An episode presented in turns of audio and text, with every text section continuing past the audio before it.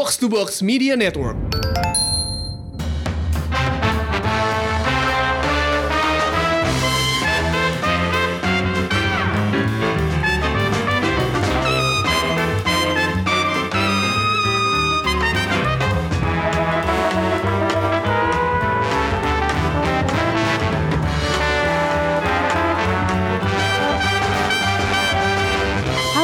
Datang di Showbox Podcast dengan gue Lisa. Gua Angga. Dan gue Amy. Dan hari ini kita bakal ngebahas langsung dua eh, ini dua episode dalam, dalam satu episode gimana ya? Dua, Dua judul. Dua judul dalam satu episode. Eh, kita bakal ngebahas Stranger Things Season 3 ya? eh, season, Season ketiga tiga. yang udah tayang di Netflix dari minggu lalu ya. Jadi hopefully kalian semua udah pada dengerin, udah pada nonton, udah pada selesai nonton. Eh, terus nanti later in the episode juga bakal ngebahas film Indonesia judulnya Dua Garis Biru. Ini film debut sutradara dari Gina Esnur. Nah, cuman ini cara nge-reviewnya kita hari ini agak beda nih. Karena Ada yang belum selesai nonton. tersangka Pak Angga Rulianto belum selesai nonton Stranger Things. Saya baru sampai season 1 eh apa season 3 episode 1. Ah, Oke, Eh, dan Emmy belum nonton dua garis biru. Iya. Nah, jadi nanti episodenya bakal terpisah. Eh, kita bakal ngebahas, Maaf ya. kita bakal ngebahas Stranger Things dulu. Eh, mungkin kira-kira 20 menitan kali, ya, 30 menit lah ya paling lama. Abis itu nanti kita langsung ngebahas dua garis biru, ada yang merupakan kalau gue ya enggak itu salah satu film Indonesia terbaik tahun ini sih. Sepakat. Ya kan. Jadi dengerin review kita. Iya, iya, Eh, iya. Cuman tunggu deh nggak sebelum lo eh, ciao dulu nih. eh, kita kan mau nge-review Stranger Things dan Angga nggak mau kena spoiler. Jadi dia nggak mau ikutan rekaman nih kayak mau keluar studio dulu. Tapi lo udah nonton dua season berturut-turut. Menurut lo gimana? Intens, makin intens sih. Mm-mm. Dan eh, makin gue makin gue pribadi makin penasaran tentang dunia lain atau alternate eh, dimension di bumi saat itu gitu. Hmm. Udah sih down ya? Itu apa sih sebenarnya makin dan sepertinya kan nggak tahu season 3 ini baru dulu nonton satu episode eh, kayaknya makin banyak yang fakta-fakta terungkap yang baru gitu. Hmm. Nggak tahu sih. Tapi lo enjoy nontonnya enjoy. enjoy banget, gue gak menyangka sih Gue 80s, agak 80s, menyesal iya. gitu Iya, Itu seru banget loh Gue gue gue mem- mem- mem- apa ya eh, Pas nonton gue tuh kayak mendambakan hidup di zaman itu yang tanpa ada medsos dan gadget Kayaknya asik juga Ya. Nah, itu kita gue sama Emi bakal langsung ngebahas Iya, Stranger iya. Things 3 Eh, nanti abis itu kita lanjut ke review lain. Nanti kita mau Angga lagi eh, setelah sekitar 30 menit. Siap Selamat Bye, review Angga. Selamat menyaksikan eh, mendengarkan eh, trailer dari Stranger Things season 3.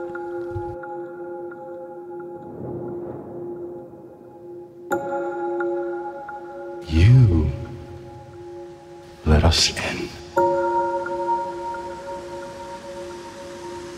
And now,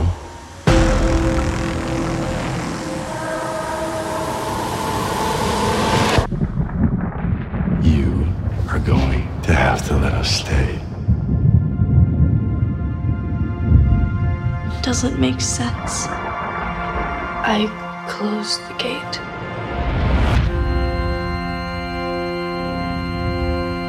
What if he never left? What if we locked him out here with us? He'd want to attach himself to someone again. A new host.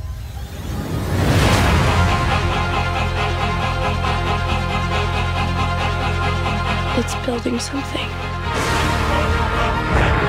No matter what happens, we have to stop him. Together. Now it's time. We are going to end you. We are going to end your friends. Then we are going to end everyone.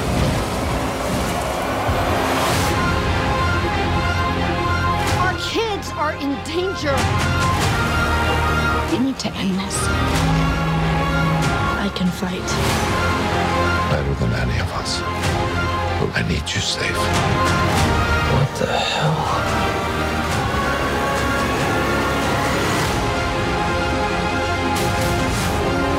I need you to trust me.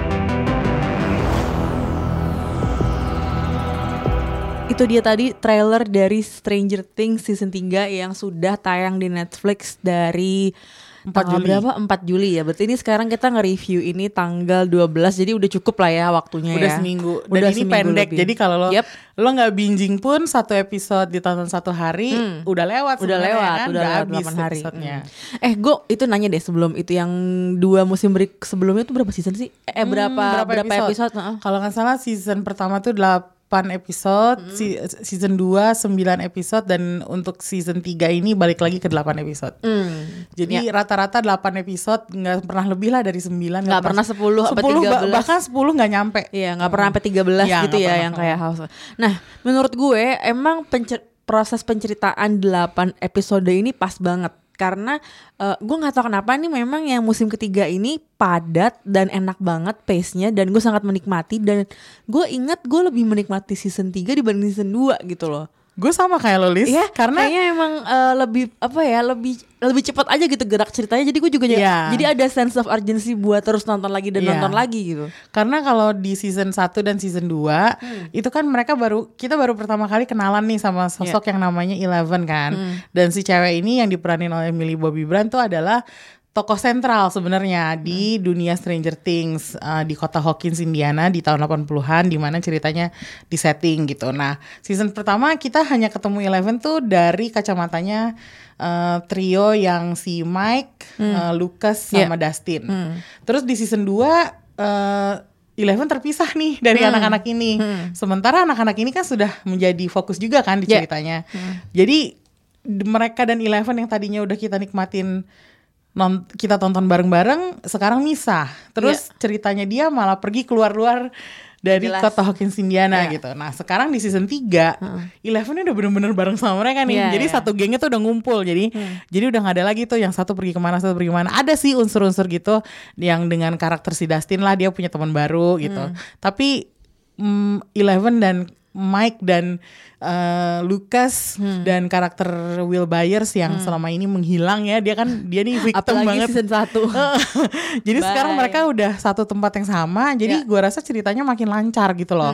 Storytellingnya tuh makin bagus dan pacingnya juga makin terbina dengan baik dengan build up build up yang tadinya kita harus fokusnya ke ditarik ke sini ditarik ke sana sekarang beneran di satu jalur aja gitu Hmm. Nah, kalau gue tanya dulu nih, eh, menurut lo season 3 ini perlu ada atau enggak? Apakah ini kan sebenarnya jagoan utama Netflix setelah House of Cards selesai, terus juga Orange is the New Black juga kayaknya udah mulai turun pamornya, udah nggak udah nggak sehits dulu lagi dan mungkin memang udah eh, terlalu dewasa ya ketika dia mau mengambil scoop apa sih ceruk penonton yang usianya muda emang jagoannya ini memang si Stranger Things ini gitu loh. Eh, atau ada lo ngerasa nggak ada franchise fatigue juga gitu ketika orang-orang baru kelar nonton eh, franchise yang gede-gede.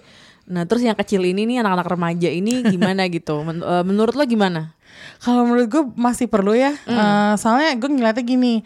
eh ya kayak lo bilang tadi ada House of Cards, ada Iya. Orange is the New Black. Itu Iya. kan sebenarnya penontonnya kita bisa ngarepin mereka usia 17 tahun ke atas saya. Hmm. Minimal di Indonesia topik-topik yang diceritain di Orange is the New Black sama di House of Cards tuh topiknya dewasa banget Iya. gitu. Dan secara cultural mereka kurang apa ya? kurang mirip sama yang ada di kita gitu. Eh, jadi gue agak takut kalau sama penonton di Indonesia terutama Hmm. dua serial itu tuh emang nggak bakalan mungkin sampai gimana banget gitu kan. Iya. Nah, Stranger Things ini appeal-nya sangat universal kalau buat gue.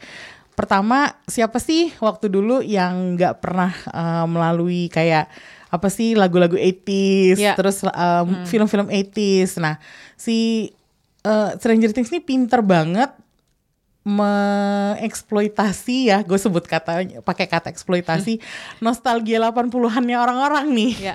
Tapi karakternya anak-anak. Jadi dia appeal ke usia yang lebih tua dan juga ke remaja. Double Ya- whammy. Iya, jadi itu udah efektif banget sih.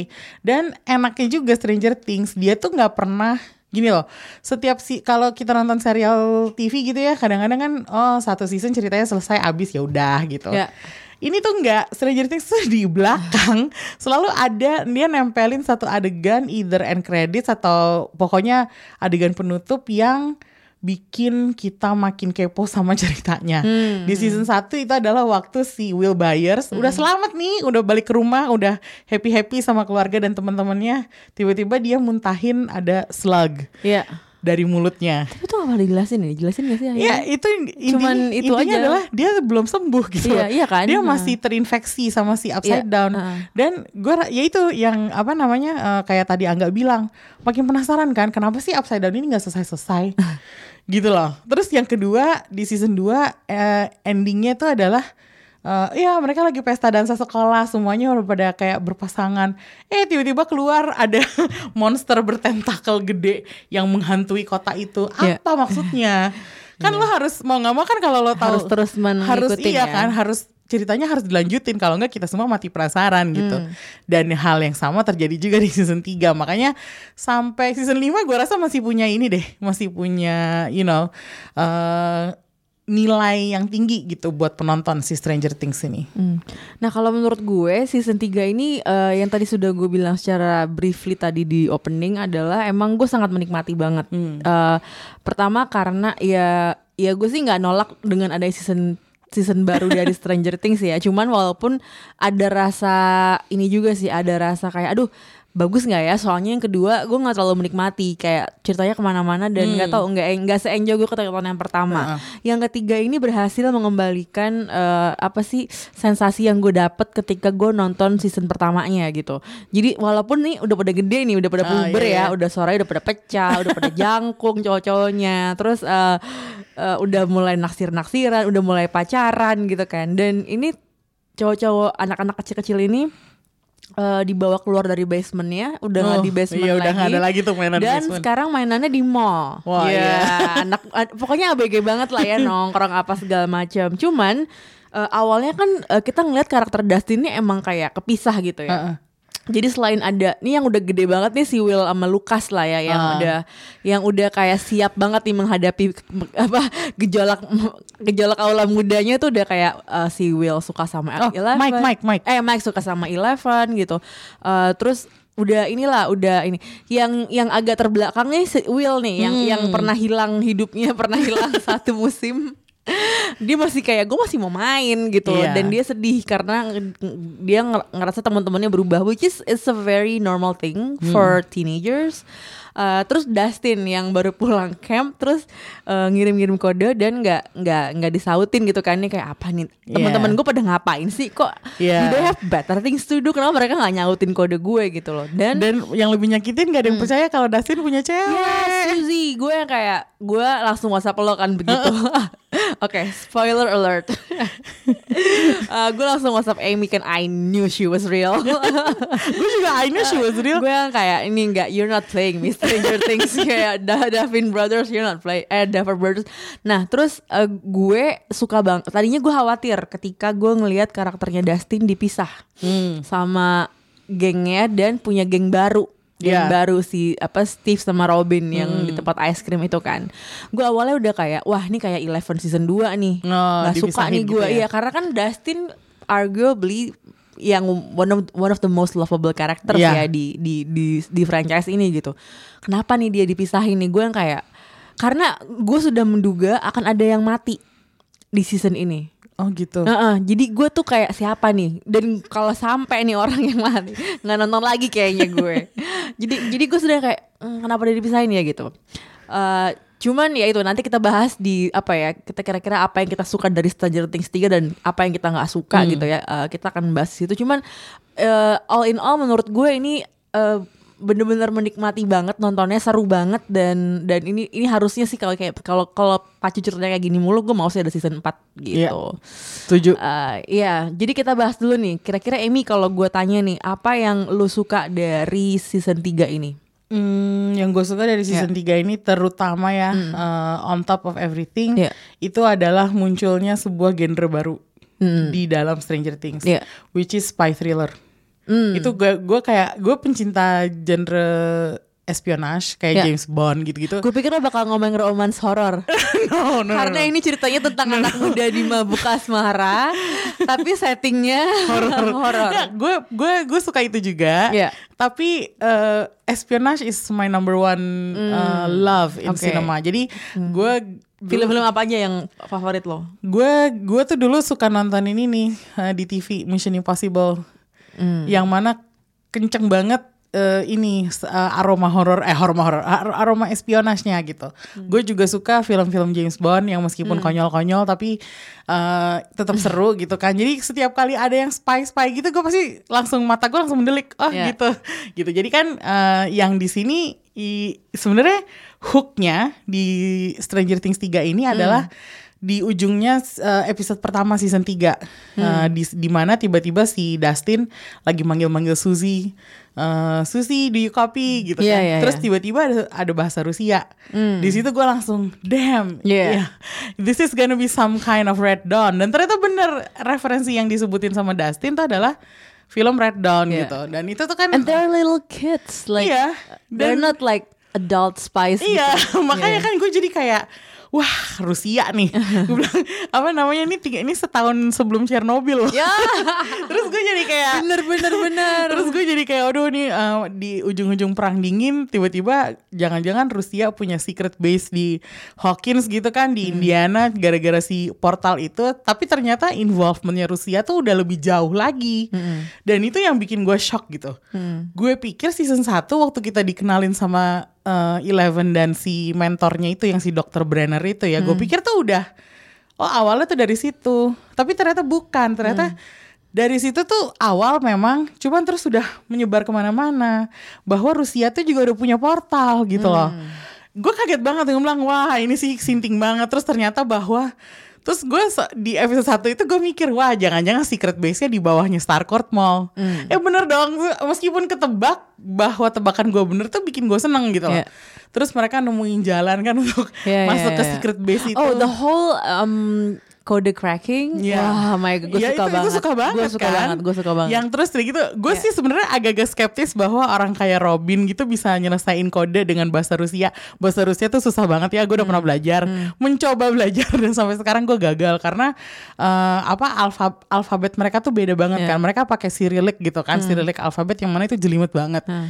Gue nggak sebenarnya agak-agak skeptis ah masa sih cewek belum lulus SMA belum udah bisa apa mentranslate kode ini tapi caranya di menampilkan itu sangat bagus jadi gue yaudah gue maafin aja deh Hmm. Iya, mau percaya iya. nggak percaya tapi itu kan diliatin kan cara mereka cracking the code dan itu kayak sumpah keren banget dan itu gue pada saat itu gue jadi kayak gue gue kayak yes girl, get it. Terus di saat-saat itu tuh gue kayak menanti lebih menantikan ceritanya Dustin, Steve dan Robin Oh daripada God. Yeah. yang satunya Yeah. yaitu Mike, Will, Lucas dan si Betul. cewek-cewek berdua itu I was kan. gonna say the same thing. Kalau kalau ada satu hal yang gue suka banget dari musim ketiga, it's the Scoops Troop. I Scoops love Troop, them betul, betul. karena awalnya tuh yang kayak nggak nggak lo nggak tahu kan ini bakal jadi kayak gimana nih geng kecil yang Iya. yang anggotanya nggak nyambung gitu. Ada Iya. yang anak populer, ada yang apa sih kayak kalau Robin kan kayak lebih kesinis gitu kan. Iya, anaknya the edgy girl gitu edgy kan. segala macam. Terus ada the nerd.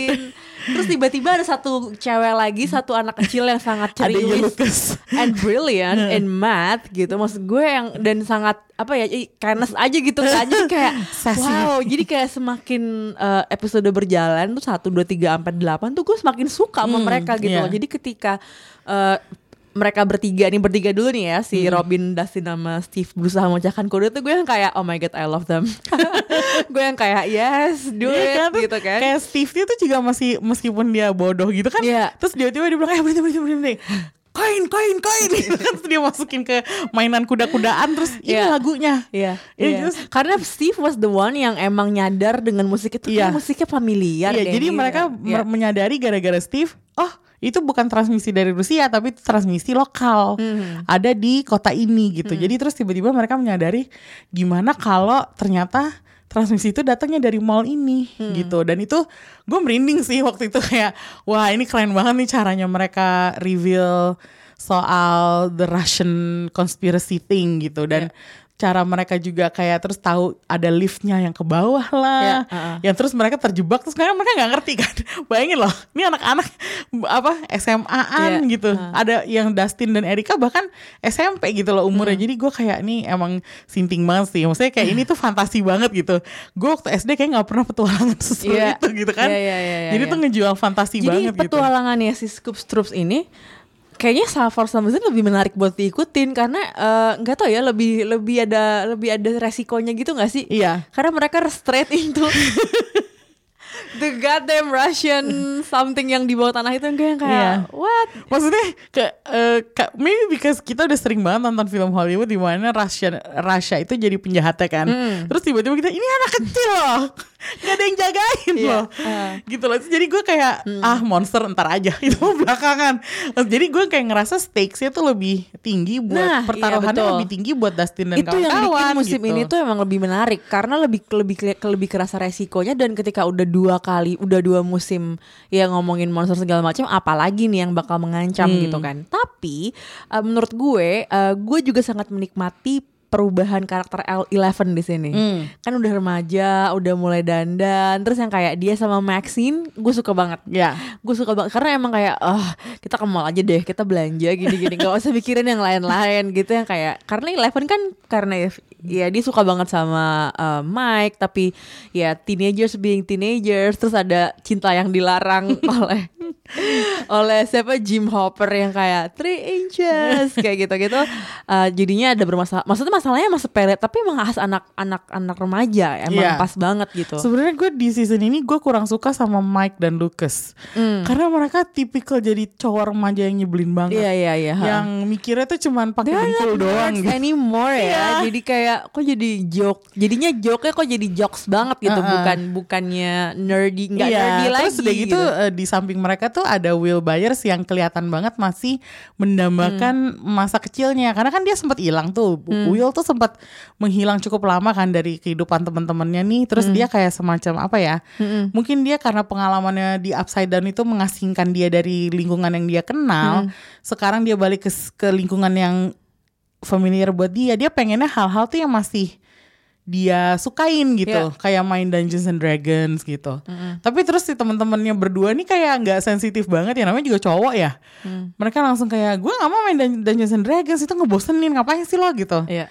ya abis itu Will marah ya gue sih paham sih tapi ya gue sangat menyayangkan aja lah Iya. si Mike sama Lucas yang kemarin-kemarin lucu kok malah jadi kayak begini Jadi ya nggak gemes. Ha, jadi nggak gemes terus udah gitu kayak eh, ini mungkin kontroversial ya cuman gue sempet ini sih waktu si Mike tuh di apa ya diancem sama Hopper Iya. yang dibilangin kayak apa sih eh, ne- apa nenek lo sakit apa segala Iya, macam ha. Itu buat gue puas banget. Gue ketawa sih gue ketawa mampus gitu kayak mampus lu Mike. Maksudnya mana ada sih? Begitu emang pacaran. Mana ada sih cowok berani banget ngomong sama calon mertua kayak gitu kayak Mike ngomong ke Hopper. Gue rasa sih emang perlu diajarin tuh si Mike. Iya, iya, gitu. Cuman ya gitu jadinya gue gue jadi memihak lebih banyak ke Dustin ke- terus ke Hopper. Iya. Dan ke Eleven yang akhirnya berhasil temenan sama Max tapi Iya. kemarin-kemarin kan mereka kayak jurus-jurusan gitu Dan kan maksudnya emang bu- mungkin buat Eleven kan emang susah ya berteman. Iya. Berteman tuh susah gitu. Iya. Makanya dia langsung ketika langsung klop dengan gengnya Mike sama Dustin sama Will sama Lucas ya.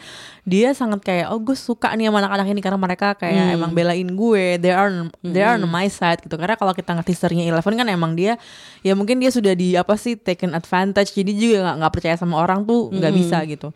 Eh, tapi nanti gini, jadi di akhir diskusi ini kita akan punya satu episode khusus eh, akan punya satu bab khusus ya buat membahas tuh karakter. Jadi kita belum bahas dia dulu nih Oke. sekarang ya. Eh, ada lagi nggak hal-hal lain yang lo suka dari season 3 ini? Yang gue suka apa ya?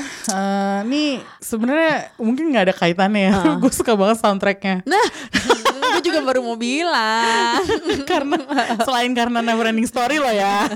Jadi soundtracknya available di Spotify. Kemarin gue dengerin. Ya. Ternyata lagu-lagunya yang kali ini banyak yang recognizable dan banyak yang enak didengerin aja gitu. Kayak apa di openingnya tuh ada versi remixnya Baba O'Reilly dari What's That Band? Hmm. Mm, I forgot the name of the band, I'm sorry.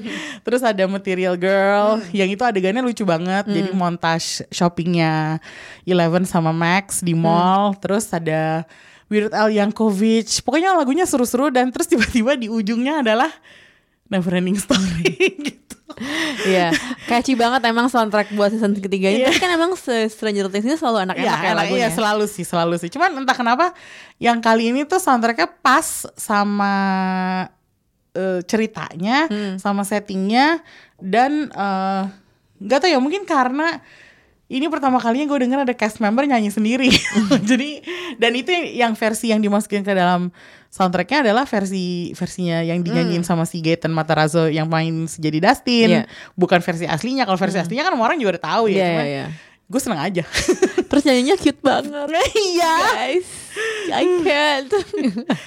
Oh, ini juga salah satu keunggulan dari season 3. Eh, kita semakin banyak dapat setting baru kayak mall, ya, kolam renang. gue suka banget ya kan? settingan eh, mall itu. Nah, mallnya kan cerah gitu Iya, kan. emang bener-bener neon. 80s banget Iya. emang apa dan mall Amerika kan emang kayak gitu ya. Emang nggak nggak kayak Grand Indonesia. nggak kayak Pacific Place gitu, nggak. Jadi emang ya datar gitu aja gitu Iya. emang. eh, nah, kalau yang nggak lo suka apa? Hmm. Sebenarnya ini hal yang gue nggak tahu nih eh, hitungannya masuk apa ya. Cuman bukannya gue nggak suka sih. Hmm. Ini cuman satu kritik aja yang ah, bikin gue sedikit bingung sama penulis-penulisnya. Hmm. Dari season 1 sama season sampai season 3 eh season 1 lah, season 1 season 2 Hmm. kita udah tahu karakter yang paling banyak berhubungan dengan Upside Down itu adalah Eleven sama Will Byers. Hmm. Tapi di tiga season ini nggak pernah lo terlihat, interaksinya Hmm. Eleven dan Will Byers. That- That's true, ya. Itu agak mengherankan karena kalau lu ngadepin monster segede the Mind Flayer yang nggak diketahuin, yang jijik gitu kan, yang intimidating banget. Kenapa lo nggak membiarkan dua karakter ini yang udah punya pengalaman di Upside Down langsung aja sih langsung mereka kerjasama figure it out gitu loh. Ini malah akhirnya kita bisa tahu tentang si monster ini kan dari beberapa clues yang tersebar gitu kan dari beberapa karakter gitu. Menurut gue itu agak aneh aja karena selama ini gue nggak pernah ngeliatin Will Byers dan si Eleven eh apa namanya berinteraksi tapi ibunya Will kenal sama Eleven dan sayang. Buktinya di ujung cerita dua-duanya tinggal bareng. Hmm. mereka jadi keluarga gitu loh. Maksudnya itu agak aneh aja bahwa hubungannya Will dan hubungannya si hubungan Will dengan Eleven tuh nggak diga, nggak digali aja gitu.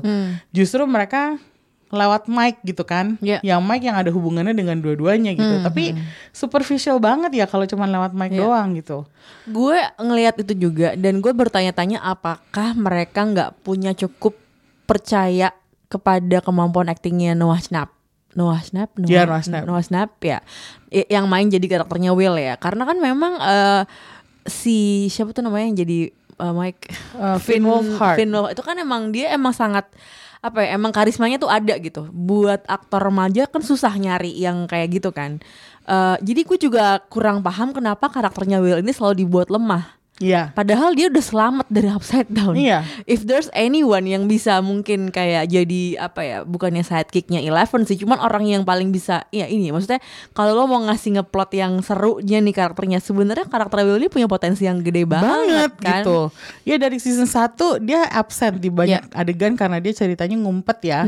Dia di upside down, dia harus bersembunyi dari si Demogorgon gitu kan. Di season 2 dia malah kerasukan lagi kan. Sebenarnya season 2 udah improvement tuh. Dengan adanya si pacarnya ibunya yang waktu itu Sean Astin kan, Bob. Iya. eh dibilangin lo harus confront your fears terus dia ada adegan di mana dia teriak yang dia nggak takut dia nggak takut Ah, gitu sedih. sedih kan tapi maksudnya kita udah ngelihat dia tuh sebenarnya punya potensi gitu Iya, loh ah. kok season 3 ini dia malah dikesampingkan lagi gitu demi Mike dan Eleven pacaran demi gue bukannya bilang Mike porsinya harus dikecilin karena dia mungkin pemeran utama dan dia punya sesuatu yang kayak si Finn Wolfhard kita udah tahu dia emang aktor remaja yang lagi you know lagi naik daun dan segala macam tapi Will ini karakter penting gitu. Kenyataannya adalah kalian nih para penulis Stranger Things adalah orang yang nulis bahwa dia berhasil selamat dari upside down. Iya. Dengan pengalaman kayak dia tuh harusnya dia bisa lebih proaktif gitu loh. Nggak cuman you know nungguin nunggu-nungguin di samping temen-temennya gitu. Kayak aduh kasihan banget nih Will. Iya, iya. Gue agak geram sih di bagian situ karena gue pengen lihat dia melakukan sesuatu yang lebih heroik gitu. Hmm, oke. Gitu. Nah, ini bagian yang gue gak suka dari season 3 ini adalah ngebahas karakter yang satu itu. Oke. Nah, jadi sekarang let's talk about Jim Hopper. Wah. Jadi kalau lo udah selesai nonton Stranger Things, uh, again spoiler alert. Kalau lo belum nonton berhenti sekarang juga. Kalau udah nonton, ya lo tahu kalau Jim Hopper itu dikabarkan meninggal, tewas ya dalam di episode terakhir ketika Mereka karakternya berusaha. Winona Ryder ya Joyce akhirnya berhasil menutup uh, pintu yang yang yang menghubungkan si monster dengan di upside down dengan dunia manusia gitu eh meledak segala macam tewas gitu kan. Cuman eh itu kan adegan terakhirnya si Eleven ikut pindah tapi dia dapat surat dari ya bu- bukan surat tapi lat, lasur apa sih teks Eh, latihan buat ngomong nih buat Jim Hopper dan it's supposed to be an emotional ending Ya. buat uh, series ini gitu loh. Tapi cara mereka menulis karakter Jim Hopper di season ini nggak banget. Menurut gue ya, itu tuh sangat kayak he's an asshole, it's a pain in the ass. Dia tuh kayak kasar banget ke semua orang gitu loh. Karena waktu season pertama kedua, dia agak kayak gitu, cuman he's like a bit grumpy, but cuddly. Grumpy but not asshole gitu. Iya, grumpy but cuddly gitu loh, kayak eh kayak gemes-gemes gitu kayak orang yang kayak oh apa sih yang kayak mabok apa cuman maksudnya nggak nggak ngeselin gitu loh. Jadi ketika dia tiba-tiba jadi figur ayah buat Eleven kita yang kayak Iya, that's gonna be interesting to watch gitu. Karena dia orangnya kayak gini terus tiba-tiba dia harus jadi bapak yang orang yang nggak bertanggung jawab gitu tiba-tiba jadi bapak gitu kan, yang suka minum apa segala mabuk segala macam. But he wasn't an asshole, right? Di sini tuh dia kasar banget kayak gue nggak nggak tahu kenapa perubahan karakter sedas, sedrastis itu gue ngerasanya itu drastis gitu lo lo ngerasa kayak gitu nggak Gue ngerasa sih eh, yang yang obvious itu adalah dari waktu mereka berusaha untuk investigate eh, yang Oh magnet-magnet God. jatuh di rumahnya Iya, si Joyce itu. kayak lo kenapa kasar banget sama Joyce Iya, kalau kayak emang I mean dia if you if you really like Joyce that much sampai mau berkencan dengan si Joyce, Yes. kenapa lo harus memperlakukan dia seperti itu sih? Exactly gitu Karena maksud gue Iya. Literally her boyfriend died gitu Kayak tewas You cannot expect this woman to Accept you langsung gitu Itu kayak agak aneh ya.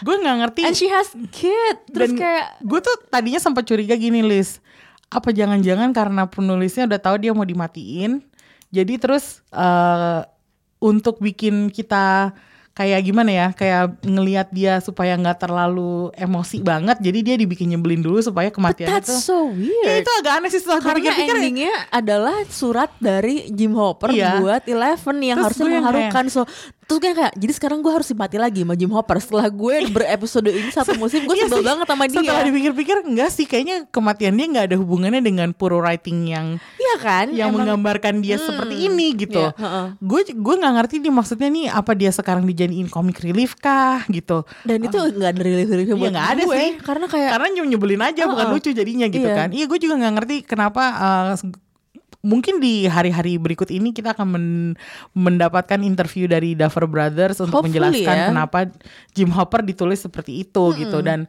kalau nggak salah kemarin gue sempat ngeliat komentar bahwa David Harbour tuh bahkan uh, dia setuju kata-kata bahwa Jim Hopper is an asshole. Really? Sampai aktornya Wow. ngomong gitu loh. Jadi kayak aktornya tuh menyadari kok karakter gue jadi nyebelin banget gitu. Itu itu kan sesuatu yang agak-agak ngagetin ya. Gue kalau gue sih ngelihatnya apa dia stres banget karena dia udah melalui segala macam kegilaan di kota Hawkins ini yang terus tiba-tiba kok kotanya jadi lebih miskin gara-gara ada mallnya itu. Terus bosnya dia the mayor itu sangat menyebalkan juga si mayor Klein. Iya. apa dia stres apa gimana? Mungkin dia stres berat kali sih kalau misalnya di- dari sisi psikologis kalau misalnya kita mau ngelihat kenapa gitu dari segi cerita kalau kita apa nggak tahu alasannya kenapa penulisnya tuh tiba-tiba bikin dia kayak begitu gue rasa sih masalahnya adalah stres satu dia nggak siap punya anak remaja yang kayak Eleven ya, dia nggak obviously dia ya. nggak siap. heeh. Terus dia juga kayak apa sih? eh, dia juggling dengan mungkin dia nggak puas sama kerjaannya. Terus dia juga masih harus Tapi itu nggak diceritakan. Iya, nggak Kalaupun diceritain dia nggak puas ya, dia cuma frustasi karena dia nggak bisa uh, mengatasi anak remajanya dan dia juga frustasi karena cintanya ditolak. Itu aja Ya, sih sebenarnya. aneh, aneh aja kan Kayak, sebenarnya. eh, kayak oke. kenapa sih lo digambarin orang stres kan keluarnya bisa macam-macam ya. Iya, ada yang bisa kayak jadi males nggak ngapa-ngapain, ada yang jadi pemurung banget. Ini Hmm. Iya. malah keluarnya jadi asshole attitude gitu. Ya mungkin gue rasa sih memang ini Apa ini anti-hero, narasi anti-hero-nya tapi Stranger sa- Things? salah Salah kan? udah dua Emang jadi udah anti dua beneran.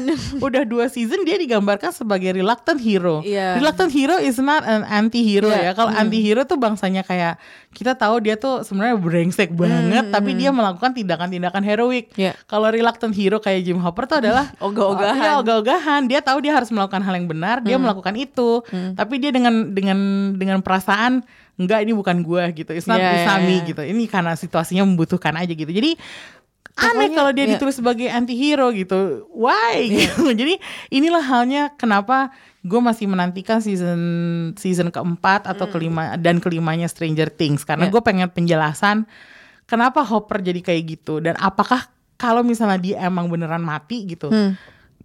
Ya gimana cara dia dipandang sama si Eleven dan Eleven punya surat dari Hmm. si Jim Hopper. Joyce juga punya punya surat tapi kan the whole town nggak punya surat itu kan. Mereka hanya melihat si bapak-bapak gendut ini yang you know yang brewokan yang tukang ngerokok tukang maki-maki orang terus kayak kasar banget gitu ya apa gitu is this Jim Hopper's legacy? Gue sih nggak rela ya. Jadi gue berharap dia sebenarnya nggak mati. Like all those theories on the internet saying that dia berhasil kabur tuh waktu sebenarnya portalnya kebuka dia dia nggak hancur badannya. Makanya gue pengen gue pengen tahu aja gitu season 4 tuh what's gonna happen to Jim Jim Hopper's legacy? I'm really hoping he's still alive karena he doesn't deserve this ending gitu loh Iya. ngerti nggak sih? Dan kayaknya maksudnya hmm, I don't know. Ini nggak tahu ya semacam season 3 tuh kayak karakter assassinationnya si Jim Hopper gitu. Iya. dan itu kayak Bener-bener dibunuh dari awal karakternya. Iya kayak udah beneran. Jadi nggak penting lagi gitu kan Iya. pada saat dia tewas. Mah gue nggak gue nggak terima. Gue mau gue mau tahu ada apa sih sebenarnya gitu. Dan gue harap sih dia bisa hidup lagi dan redeem himself ya. Let's hope so. Tapi untungnya Lis ya, Iya. untung eh, untungnya adalah yang gue salut adalah Joyce-nya tidak menerima dengan begitu saja perlakuan buruk dari Iya si dia bener-bener kayak Nyebelin sih Iya. Kita tuh Ini kita punya Ini anak-anak kita loh Ini apa Iya, segala iya. macam kayak Jadi Joyce itu ya lo sesebel-sebelnya sama si Jim itu kalau gue nganggapnya gini aja sejelek jeleknya Jim itu bikin Joyce makin kelihatan keren jadi gue sih nggak apa-apa Iya gitu. Oke, itu kali ya pembahasan kita soal Stranger Things. Ada end credit ya? Ada end end credit. Eh, Abi mau cerita nggak end creditnya gimana? Ah, gue sih sebenarnya pengennya lo nonton aja guys. kalau gue yang cerita nggak seru. Jadi, Jadi ceritanya kita ke Kamchatka, Russia. Hmm. Ada apa di sana? Ada, dua penjaga. penja, penja, penja, penjara, penjara. Penja- penjaga penjara nih lagi Iya. ngobrol nih, Ah. Eh, lagi yang ini apa lagi milih sesuatu. Tiba-tiba yang satu ngomong jangan, jangan yang the American. Maksudnya apa coba? terus tiba-tiba dipilih lah yang bukan the American, yang bukan the American tuh some random guy. Iya. Terus dia yang pakai digiring- ngomong bah, yang ngomongnya Ya, pakai bahasa, eh, eh, Rusia, Rusia. juga. Terus dia digiring ke kandang. Buat apa coba death match. Ya. Ternyata death match emang lawannya adalah deng deng deng Demogorgon. masih kayak cungkring gimana iya, gitu. jadi tahap keberapanya Iya. sebelum dia jadi Demogorgon yang real kali ya. Iya. Dan gue nggak ngerti itu kenapa Masih bisa ABG kayak gitu. kayaknya. Biar kayak Eleven. kayak wow Rusia lo jago amat bisa apa men- menjinakkan Demogorgon. Ka- kagak habis-habis nih Demogorgonnya Kayaknya masih season 10 masih sama nih Kayak masih segala bentuk Tapi him, They mention about The American Yes. Siapa?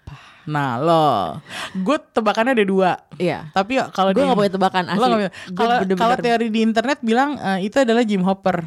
He's dead Karena karena itu si He termi- better be si agen Rusia yang ngejar-ngejar dia selama season 3 ini Uh. yang disebut eh, oleh fans di internet eh, namanya adalah Terminator Grigori.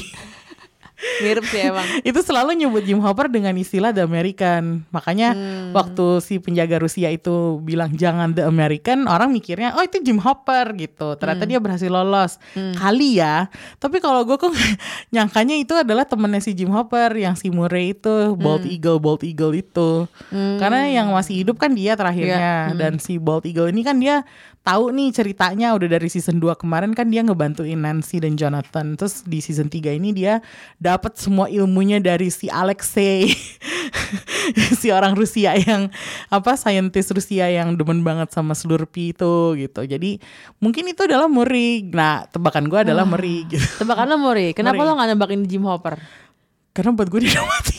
Ya kan? Ya udah kalau gitu gue setuju sama lo Oke, itu tadi review kita Stranger Things season 3 eh, dan sekarang silakan dengerin trailer dari Dua Garis Biru. Kapan jadiannya? Anaknya sopan. Kayaknya baik ya. Ini pupuk. Yuk, Majuan. Aku post di IG. Jangan dong. Ra. Bim. Saya akan tanggung jawab. Tanggung jawab kan? Iya kan? Mulai hari ini. Sih lo. Lo tau gak sih kalau lo tuh goblok namanya?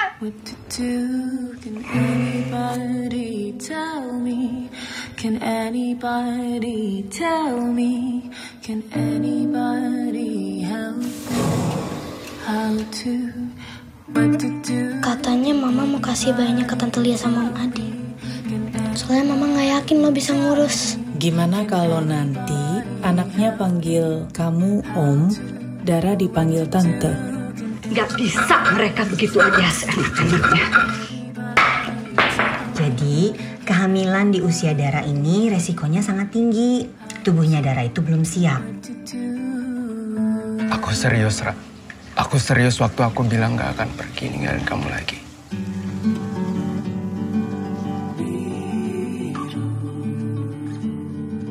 Dara kayaknya ragu. Coba kamu ngomong sama dia. Ini demi anak kamu juga. Itu dia tadi trailer dari film Dua Garis Biru yang dibintangi oleh Angga Yunanda dan, Dan Zara Zara JKT48. JKT48. Sekarang kita kembali ke Angga Rulianto, bukan Angga Yunanda. By the way tadi kedengeran kali. Apa? gue mendengar beberapa spoiler dari. Nih, ini kok ada yang mati-mati? Aduh. ya, enggak. Ya Harusnya lo ya. pindah meja enggak, jangan di belakang kita. Tadi gue di luar ruangan terus gue pikir nggak bakal sekencang itu. Wah kencang juga nih. Ternyata ngomongnya. gue sama Amanda terlalu bersemangat untuk ngomongin Stranger Things. Ah udahlah Ah, tidak apa-apa. Gitu. Nah. Oke. Kita sekarang ngomongin se- sebuah film remaja yang rilis eh, hari Kamis ya kemarin ya, Hmm. tanggal 11 ya. 11. Tanggal 11 Juli. Gue sama Angga nonton eh, seminggu sebelumnya di sebuah screening khusus di Senayan Hmm.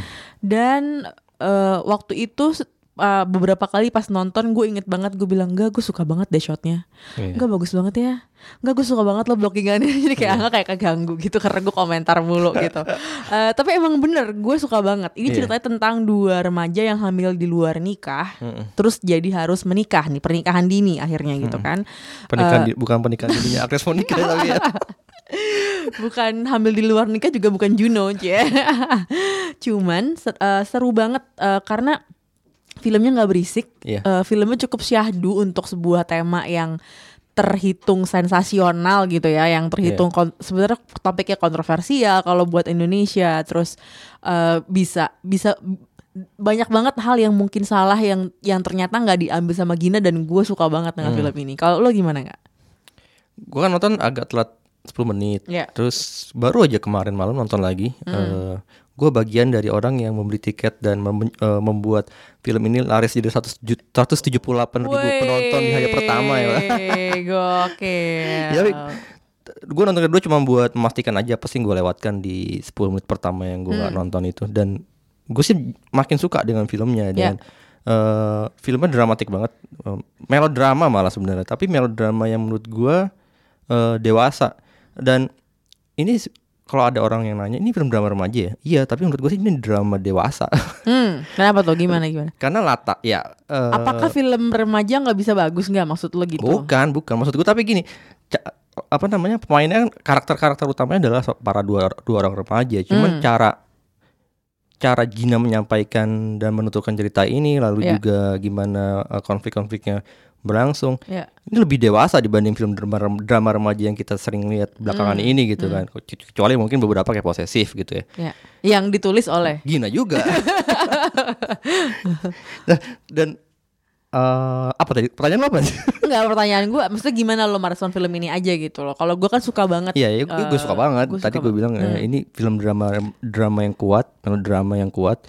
Dan asiknya adalah eh, selesai gue nonton gue juga bilang ke Lisa Hmm. gila ya shotnya bagus-bagus semua gitu secara teknis gue nggak Iya. gue eh, lumayan appreciate banget dengan Gina gimana ini kan debu pertama debut pertama dia sebagai Iya, terus sutradara gue ya. langsung kayak gini selama ini kok kenapa lo nggak jadi sutradara ya?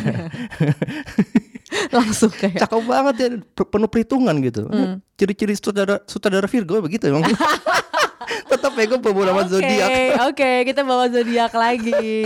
perfeksionis ya Jadi film Indonesia yang rilis tahun ini dua-duanya yang gue suka ya dibuat oleh saudara Virgo.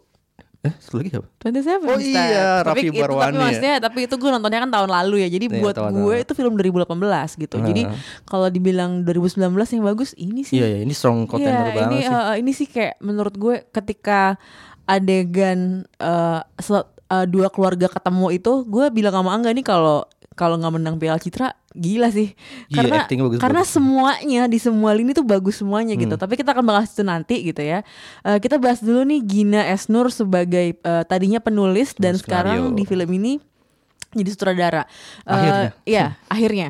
Eh, kalau kita yang paling gampang banget diingat adalah Gina nulis posesif dan juga keluarga cemara ya enggak Hmm, ya? karena baru-baru ini Karena paling eh, yang recently gitu.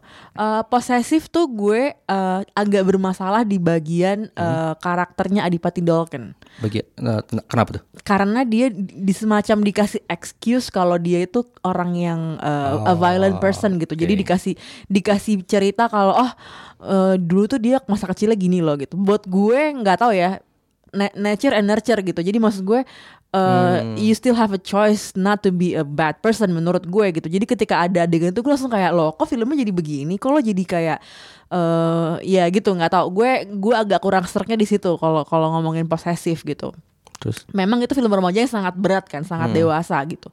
Eh dan kalau keluarga cemara ya so-so lah. Kalau lo gimana? Kalau ngelihat Eh. ini nih hasil eh, tulisannya gini, jadi ketika lo nont- sebelum itu sebelum nonton dua garis biru gitu, ekspektasi lo seperti apa dan ketika keluar kayak gimana nggak? kalau ngeliat filmografinya Gina sebagai penulis skenario sih dan eh, ini kita bisa lihat benang merahnya di akhirnya di film Dua Garis Biru ya. Kalau menurut gua dia tuh termasuk termasuk penulis skenario yang tahu betul gimana menempatkan titik-titik dramatik dalam Hmm. plot gitu kan. Terus juga yang tahu betul juga gimana cara menguliti dan mem- memperkuat karakter. Hmm. Makanya kita tuh selalu bisa ngelihat karakter-karakter yang dihidupkan dalam film yang tuh yang skenario ditulis Gina itu kuat-kuat walaupun film-filmnya mungkin film-film yang biasa, film-film reg- reguler yang diniatkan untuk komersial kayak Hmm. Habibie Ainun gitu. Bagaimanapun walaupun itu diperankan Reza, tapi tanpa ada skenario dari Gina juga eh, itu nggak bakal sekuat itu Hmm. karakter si Habibie diperankan oleh Reza. Lalu juga kita juga kita ngeliat eh, tokohnya. Kalau gue sih pribadi gue masih suka film Gina yang dulu yang awal tuh eh, awal-awal juga tuh Hari untuk Amanda, film drama komedi Hmm. romantis. Itu film favorit lo kan? Eh, salah satunya tapi soalnya nggak ada nggak ada kita jarang kita kekurangan film drama komedi romantis ya eh, Iya. dan Hari untuk Amanda termasuk yang spesial karena digarap dengan cukup baik Hmm. baik malah bukan cukup lagi gitu dan dan pas gitu dan lu kalau lu nonton sekarang pun lu akan merasa dekat dengan karakter si Amanda si Hari dan Dodi itu tuh. Dan karakter ini terlihat eh, eh, karakter yang kuat ini ter- terlihat lagi di dua garis biru lewat karakter si Dara dan Bima gitu kan. Bahkan semua karakter di di di film ini gitu. Terus yang paling gua juga yang gue juga bisa lihat dari filmografi Gina sebagai penulis skenario adalah dia tuh ternyata lumayan selektif dan juga eksploratif gitu ya film dia kan udah berkarir udah lumayan lama ya udah lebih dari Hmm. satu dekade. Tapi skenario film dia tuh nggak banyak banyak amat gitu. Ya 10 20 apa ya 16 kalau nggak salah ada 16 film yang udah ditulis sama dia. Hmm. dan memang sebagian besar film-film yang komersial yang memang diniatkan untuk mencari mau udah pasti lah dicari untuk eh, mendapatkan profit. Tapi dia juga nggak untuk kemungkinan akhirnya bikin posesif yang bekerja sama dengan Edwin yang kita tahu selama ini adalah sutradara, sutradara art house yang berarti kan dia juga membuka peluang buat kerja dengan orang yang di luar zona mainnya dia selama ini si Gina ini gitu kan. Terus kalau kita melihat eksplorasi Gina sebagai penulis skenario, gue juga melihat di dalam film misalnya posesif gitu dia dia mau mengeksplorasi film dengan cerita seperti ini dengan cerita lumayan kuat dan eh, sensitif gitu kan soal, soal soal kekerasan. Lalu juga di film bahkan kalau kita ngelihat eksplorasi Gina sebenarnya dia udah di, juga dari awal bisa dilihat dari awal-awal dia berkarya sebagai penulis skenario di film Lentera Merah itu pada tahun 2006 dia ngangkat cerita tentang eh, ya ada soal inisiasi di kampus Dan ternyata itu ada hubungannya dengan PKI gitu kan. Mm. Walaupun akhirnya dipotong oleh sensor beberapa kemunculan simbol-simbol PKI. Mm.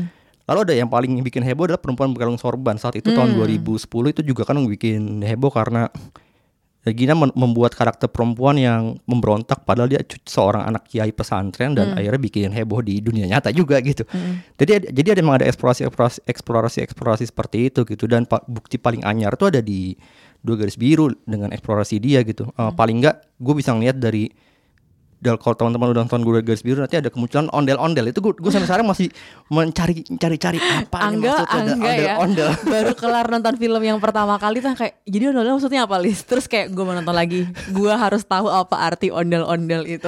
Di positif aja nggak ada nggak ada kemunculan simbol-simbol Iya. simbol seperti yang segede ini dan ini harus lu cari banget kan maknanya apa sih sebenarnya. Tapi menarik sih dan em, ya itu maksudnya ada eksplorasi seperti itu di dalam Gina ketika dia menulis skenario sih apalagi ya paling itu bisa dibahas soal yang apa namanya dia punya keberpihakan nanti ter- tentang terhadap karakter perempuan. Buat gue sih Hmm. itu sih. Tapi itu bisa dibahas nanti pas kita ngomongin soal karakter. Iya, kalau ngomongin film dua garis biru sendiri nih ya tanpa, oke kita udah ngomongin eh, eh, kar- apa karirnya Mbak Gina eh, sebagai penulis dan cerita-cerita yang dia tulis juga gitu. Tapi kalau film dua garis biru ini nggak, eh, kita kan kelar nonton kayak wah rapi banget ya filmnya, Iya.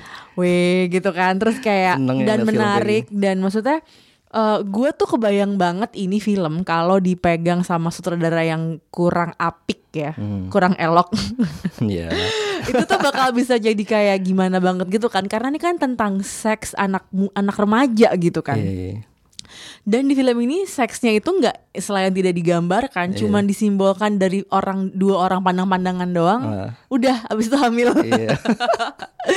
jadi eh, maksudnya gue suka dari situ aja gue kayak oh ini it's eh, ini kelas nih maksudnya ini dia nggak nggak akan pakai cara-cara gampang nggak akan pakai cara-cara murah untuk bercerita gitu Nggak jadi gue. Iya, gue langsung kayak ciuman. wah ini gue gue langsung kayak semakin tertarik buat eh, nonton lebih jauh gitu. Eh, terus pemilihan castnya juga on point semua Iya. gitu ya, all star semuanya juga ber apa ya berkontribusi terhadap cerita tuh sesuai perannya banget dan dan emang tiap orang jadi kerasa banget presence-nya Iya, gitu iya. dari fungsi apa sih karakter ibu karakter bapak anak dua-duanya itu semuanya enam enamnya malah beda semua Iya. tapi bener-bener berkon mesti bener-bener bikin lo eh, menikmati jalan ceritanya gitu loh karena emang semuanya beda-beda dan lo jadi memahami emang dinam- dinamika keluarga tuh emang kayak gitu Dan punya kontribusi ya. Mm-mm. Dan lo emang ya kalau lo mau berhubungan eh, serius dengan orang terus yang nanti menikah ya emang begitu lo Mm-mm. nyatuin dua keluarga ya kan kalau konteks Indonesia kayak gitu. Eh, terus Indonesia banget. Indonesia banget. Jadi gue seneng banget nih kalau di orang boleh punya Juno kita punya dua garis biru gue enggak? lebih suka ini dibandingin Juno. Dan gue lebih, ya gue juga gue lebih suka ini karena di sini nggak ada karakter orang dewasa cowok yang creepy Oh. kayak yang "Hah, apa lo mau, mau jadi main band lagi apa sih gitu Eh, nggak ada di sini semuanya emang ya udah anak dan eh, Angga Yunanda menurut Hmm. gue bagus banget mainnya di sini gitu kalau Zarang kita udah lihat di keluarga Cemara kan di, Hmm. di keluarga Cemara tuh dia agak-agak kurang kurang apa ya kurang ada range-nya gitu menurut gue Di sini lebih kaya. ya. Eh, di sini lebih kaya dan mungkin kebantu juga mungkin karena emang chemistry-nya sama Angga tuh Ah. enak eh, enak banget ya, emang Ah. bagus gitu. Dan Angganya juga luwes banget. Jadi mungkin eh, ketegangannya juga berkurang ya ketika lo eh, main. Gue nggak gue nggak ngerti dia tuh kira-kira di lapangannya kayak gimana. Cuman eh, dan gue jadi penasaran untuk ngelihat Angga Yunanda di peran-peran lain sih nggak sebenarnya. Nanti kalau dia dapat peran yang kayak lain lagi, apakah dia bisa menyesuaikan diri juga dan bisa apa sih tampil sebaik ini gitu kalau karena kalau emang bener Hmm. wah bisa jadi keren banget sih menurut gue Kita eh, bertambah lagi satu pemain Hmm, muda yang udah waktunya gitu udah ya. waktunya emang udah Kalau gue lihat Angga tuh Hmm. ketika gue tak Melihat diri kali sendiri ya? Enggak anjir jauh banget. Enggak, tapi gue gue pertama kali lihat acting Angga tuh di film Sunyi, filmnya Awi Surya di film Ya, horor dan hmm. Walaupun ini film horor dan memang range acting seperti tadi lu bilang Ya. range actingnya juga nggak range acting nggak juga ada nggak terlalu, ah. ya Cuman emang kelihatan ada potensial Oke. gitu, seperti yang lihat Jeffrey Nicole gitu. ya Ternyata- showbox kan tim Jeffrey Nicole Ternyata Jeffrey Nicole potensi aktingnya gede banget Iya, gitu, iya. tinggal diasah lagi aja gitu. Tinggal dapat kesempatan-kesempatan baru. Tapi gue sepakat sih soal pemain pemain-pemain di film ini semuanya stand out eh, bahkan kakaknya Bima siapa yang main tamp terlalu tampan iya yang pakai jilbab itu iya itu Amanda Amanda siapa eh, ketika dia muncul pun ternyata langsung pecah gitu kan gila gue ketawa banget sih bego banget sih lo ambil anak tipikal kakak-kakak yang Iya, iya, iya. gitu kan I would do the same with my brother eh, kayak si karakternya Angga ini. Iya, terus eh, actingnya Cut Mini juga wah udah Hmm. hebat lah. Sama Iya. yang gue eh, kaget itu Ars Betul. Wendy, Ars Oh, maksudnya. oke. Karena biasanya di film-film yang lain eh, masih kelihatan tuh dia suka over gitu, sedikit over. Di Hmm. film ini kelihatan banget dia tuh bertahan. Gue mengingatkan gue eh, dengan aktingnya Yayu Unru di Posesif. Hmm, ya. Karismatik, Hmm. eh, tetap meng- tetap meng- Slow aja slow gitu tapi ya, nggak- punya hmm. itu tetap tetap apa ya eh, diperhitungkan lah sama Hmm. anak-anaknya gitu. Eh, apalagi ya kalau gue ngeliat juga sebenarnya karena kita tadi udah ngomongin soal gimana shot-shotnya bagus yang memang sih menurut gue tuh film tuh yang bagus itu film yang baik tuh bukan cuman punya apa ya cerita dan karakter yang kuat atau Hmm. punya cerita yang mendukung yang cerita yang yang mendukung konteks sosial di masyarakat atau Hmm. punya statement tertentu yang kritis Hmm.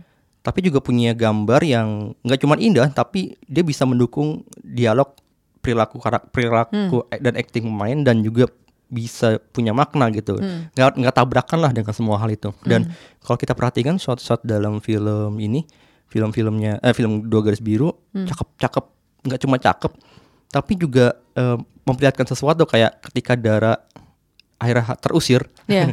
dan dia harus mau nggak mau tinggal bersama keluarganya Bima kita Hmm. ngeliat Yang kelas ekonominya di bawah, di bawah. keluarganya dia Nah, sendiri dia gitu harus kan. masuk ke pemu- pemu- pemukiman padat Masuk gang jauh banget tuh gang jauh kayaknya. banget dia harus mendengar Iya. suara-suara pergunjingan eh, tetangga yang ngomongin soal uang lah segala Iya, macem eh. gitu kan dia itu kayak masuk. realita yang harus dia hadapin ini kalau lo nikah nih kayak gini lo Iya, ngomongin iya. duit lo ngomongin masih muda lagi iya. mereka kan dan yang paling menarik kan ya, simbolisasinya itu loh apa eh, Hmm. wah dia dari dari lingkungan yang nyaman masuk ke lingkungan yang baru dan ada satu shot yang dia masuk ke gang kecil gelap Mm-mm. terus di sana terang terus dia dan dia memalingkan wajahnya ke arah kamera gitu Hmm. wah itu cakep banget nih ya gitu-gitu banyak banget sih shot-shot yang gitu yang bisa Iya. kita temuin apalagi shot yang pas di ruang UKS kalau Hmm. inget kan yang long take gitu yang itu yang kita langsung enggak ini satu ini shot keren ya. banget loh. Dan itu sangat mendukung atmo- atmosfer ketegangan yang Iya, ada di iya, adegan iya. itu. Karena kan emang itu adegan paling tegang, kan Tegang. ketika tinggi banget ah, dia emosinya. ketahuan gitu loh. Ya ampun kayak ini bayinya gimana? Terus langsung di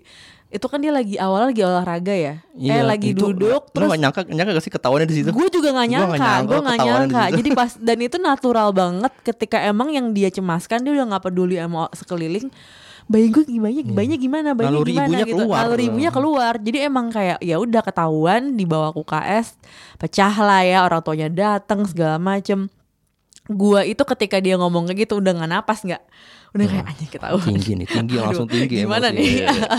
terus eh, emang kan gue perempuan ya gue menempatkan posisi gue di posisinya si, eh, Zara. si si Zara jadi kayak wah ini ibu datang bapak datang murka sih gitu kan murka dan dan begitu yang yang tegang juga adalah ketika orang tuanya Zara ketemu sama karakternya Angga ini kan Eh, jadinya wah dipukul nih dipukul Adisa Sono Iya. eh Dwi Sasono Adisa Sono Dwi Sasono eh, bapaknya orang tuanya Zara ya. Eh, eh, terus ya terus Lulu Tobingnya juga sangat apa ya antara ya marah apa terus kayak eh, panik ya lebih kayak kepaniknya itu kayak bener-bener te- terasa banget gitu Hmm. dan sementara Cut Mini dan apa eh, orang tuanya Angga tuh yang cuma bisa "Ah, anak gua ngambilin anak Iya, orang dia tahu Iya. posisinya lebih lebih lemah lo lo nggak gitu. bisa lo nggak bisa marah semarah dua orang ini makanya kan akhirnya ditampar gila kenceng banget itu itu langsung kita langsung ngomong, wah tamparannya beneran tamparannya beneran ini shot ini tag-nya berapa kali ya tapi gue gue kaget sih di eh, adegan di UKS ruang UKS itu ketika mereka ketahuan dan eh, diambil sama Gina dan Hmm.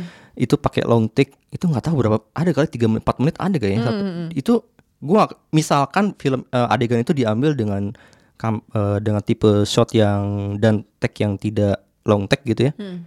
gue nggak yakin itu akan punya emosi setinggi itu sih. Apalagi dengan dengan karakternya semuanya keluar. Ya Eh, semuanya emosi semuanya ada yang sedih ada yang emosional ada yang akhirnya nang- ada yang marah, hopeless kayak terus Bi- Bimanya kan gitu. hopeless banget kan terus darahnya juga yang kayak cuman antara masih lemes karena ya lagi itu terus Iya. juga shock juga nih Shock. ngadepin orang tuanya juga kan marah-marah terus eh, gimana lihat kamera bergerak bergerak ya mengelilingi ruangan itu dan memperlihatkan satu satu isi ruangan dari yang bapaknya Za- Zara ah, tadinya marah-marah tiba-tiba nangis gitu kan gue ngebayangin emang eh, menurut gue film film ini banyak banget didesain shot-shotnya memang sedinamis ini Eh, dan jadi bikin hidup gitu. Hmm.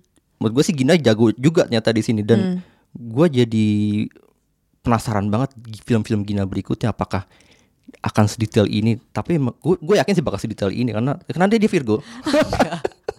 Angga. di sini yang suka astrologi itu gue. Kenapa jadi lo? Tapi long take itu nggak cuma di situ dong. Ada satu long Iya, take lagi iya. kan yang pas ibu ibu ibu ibunya Bima datang, ibu Babi Bima, Bima datang untuk lamaran. Itu juga long take yang menarik sih itu. Mm. Dan tapi itu karena mungkin maksudnya ketegangannya beda, Beda, sama yang di beda. UKS. Kalau yang ini Jadi lebih sedih. eh, ya ini lebih kayak agak-agak eh, mau, gitu. mau gimana lagi gitu ya. Eh, nah ini kalau kita ngomongin film ini enggak, ini Hmm. kan sebenarnya kalau gue anak remaja ya, gue akan kayak berpikir dua kali sebelum melakukan eh, hubungan seksual tanpa proteksi misalnya kan. Jadi kayak Hmm. ini maksud gue gini, kalau kita ngom eh, sex education itu kan ya ini Oh, iya. eh, kantor gue lagi bikin laporan tentang sex education buat remaja gitu. Oh gitu. Kalau sekarang tuh anak-anak tuh udah udah, udah mulai dapet nih enggak. Cuman memang masih kurang kan. Emang kayak masih seba- masih terbatas. Maksudnya Anak-anak eh, tuh umur berapa? SMP remaja SMA, SMA. yang yang kita wawancara anak-anak SMA gitu. Hmm. Eh, maksudnya ada tapi ya ya gitu gitu. Dan maksudnya eh, anak-anak ini lebih dapat banyak dari film bokep yang mereka tonton. Dari internet lah ya dari Iya, iya, internet iya. gitu. Bukan dari sumber-sumber yang terpercaya sebenarnya gitu kan. Eh, nah ketika di film ini ada eh, apa sih yang be- be- bercanda senam hamil bercanda? Itu kan lucu banget. Inget nggak Yang senam hamil itu. yang iya yang kayak ini kalau melahirkan ntar Iya, begini loh terus posisi- kayak iya bercanda-bercanda gitu kayak cuma there are just two teenagers fooling around gitu kayak emang ya emang masih remaja sih jadi ya itu begi- karakter yang bagus. jadi emang begitu gitu jadi emang gue seneng banget dengan apa sih yang apa anak karakter remaja itu yang dapat banget gitu emang kepolosannya tuh dapat gitu emang ya ini udah gede cuman belum gede Belum belum, siap-siap dewasa amat gitu gitu ya. masih masih mau main-main terus yang kayak kamu nggak kerja main, main game. main game doang kan kayak kamu enak di rumah doang wah itu maksud gue a- kalau kita ngomongin perbedaan gender di film gitu ya itu Iya. dapat banget di Iya, situ iya. dan dan nggak ada yang salah nggak ada yang bener karena Iya. emang ya itu kan realita yang di, mereka hadapi banget kan karena Iya. yang kayak eh terus nanti kalau nggak kerja anak ini makan apa gitu loh. Hmm. terus dia pikir emang lo pikir enak kerja sama bokap lo? Kayak ngerti gak sih? Hmm. kayak gitu-gitu itu itu sebuah apa sajian konflik yang menurut gue eh, bagus banget. Gue su gue suka banget sih bagian itu. Itu yang bikin film ini juga menonjol. Eh, gimana karakter remaja di film Dua Garis Biru itu dibikin surrealistis dan make believe.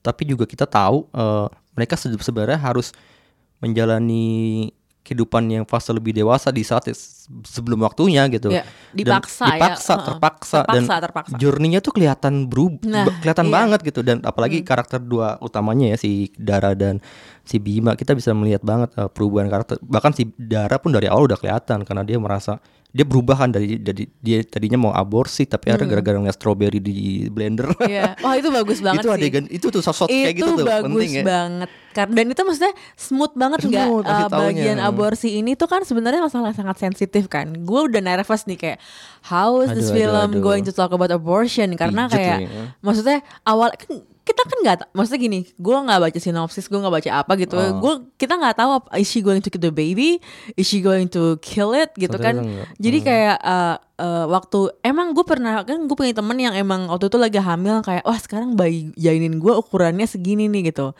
Eh, ukurannya pakai ukuran buah kan ada yang pekat Iya. dari kacang Iya. ada sampai melon gitu kan Iya, iya. sekarang udah segini loh ukuran segini nah ini se strawberry gitu kan Ah. saya kayak strawberry emang emang iya gitu maksudnya eh kenapa maksudnya ada gak sih buah yang seukuran strawberry gitu yang lain? Gue nggak tahu. Eh, dan ternyata dipakai di analoginya itu dijadiin jus buat buat ngomongin aborsi. Itu wah. Nggak perlu pakai kata-kata nggak perlu. langsung, oke, kita langsung tahu. kabur Langsung nah, kabur. nah, lari kan. Dan karena emang nangis. kayak ngebayangin bayinya di kayak di blender Iya, gitu kan hmm. ya emang. Dan itu dibawa lagi. Dan kengerian itu gelasnya. kengerian itu tuh ter apa ya nyata banget gitu. Jadi nggak ng- ng- nggak dibuat-buat gitu. Emang ketika lo dibandingin gitu ya itu ngeri banget sih kalau lo ngebandingin aborsi dengan ngeblender bayi lo gitu ngeblender Iya. janin lo. Ya ya anak umur segitu ya kabur lah ya Iya. kan maksudnya dia juga aduh gue mendingan susah banting tulang atau nggak nggak mencapai mimpi gue deh dibanding gue membunuh janin ini gitu loh. Jadi eh, masalah aborsinya bukan masalah pro choice atau pro life tapi lebih kayak eh, kesiapan mental lo gitu awalnya kan soalnya kayak wah udah deh kita nggak bakal bisa jadi orang tua nih udahlah aborsi aja gitu kan pro choice kan sebenarnya kan Hmm. dan ternyata maksudnya dia akan gue nggak sanggup untuk Hmm. membunuh bayi ini gitu jadi kayak eh, perdebat perdebatan batin kayak gini tuh disajikan dengan sangat dan minim dialog banget itu dialog. yang bikin gue yang kayak Iya. wah gila sih ini Ini skripnya jago Iya. ya itu dia makanya pas habis itu ketahuan juga gara-gara ke- ke- kena bola kan. Hmm. Terus kita juga akhirnya bisa melihat per- perubahan karakter si Bima yang Hmm. jadi yang jadi siap menjadi ayah gitu setelah dia berinteraksi dengan ibunya dan dinasihatin banyak dengan ibunya.